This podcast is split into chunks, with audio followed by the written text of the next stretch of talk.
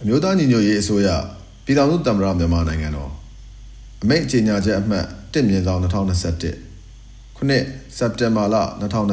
2021အရေးပေါ်အခြေအနေကြေညာခြင်း1ပြည်ထောင်စုသမ္မတမြန်မာနိုင်ငံတော်တွင်2021ခုနှစ်ဖေဖော်ဝါရီလ1ရက်မှစတင်၍စစ်ကောင်စီသည်နိုင်ငံတော်၏ချုပ်ချာအာဏာကိုလက်နက်အားကိုဖြင့်အရမလူယူသိမ်းပိုက်ထားရုံမကပြည်သူများ၏အသက်အိုးအိမ်စီးစိမ်ကို ထိပါကြမ်းဖက်အန္တရာယ်ပြုလျက်ရှိခြင်း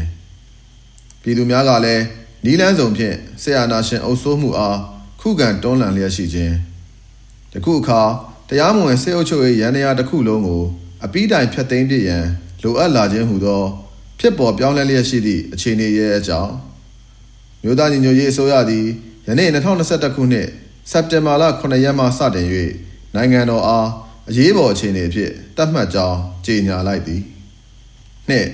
အရေးပေါ်အခြေအနေတက်ရောက်သည့်နယ်မြေသည်ပြည်ထောင်စုနိုင်ငံတော်တဝမ်းလုံးဖြစ်ပြီးအချိန်ကာလအားဖြင့်ပြည်သူ့အုပ်ချုပ်ရေးအာဏာပြန်လည်ထူထောင်နိုင်သည့်အချိန်အထိသတ်မှတ်သည်ဒူဝါလရှိလယာယီသမ္မတမြို့သားညီညွတ်ရေးအစိုးရပြည်ထောင်စုသမ္မတမြန်မာနိုင်ငံတော်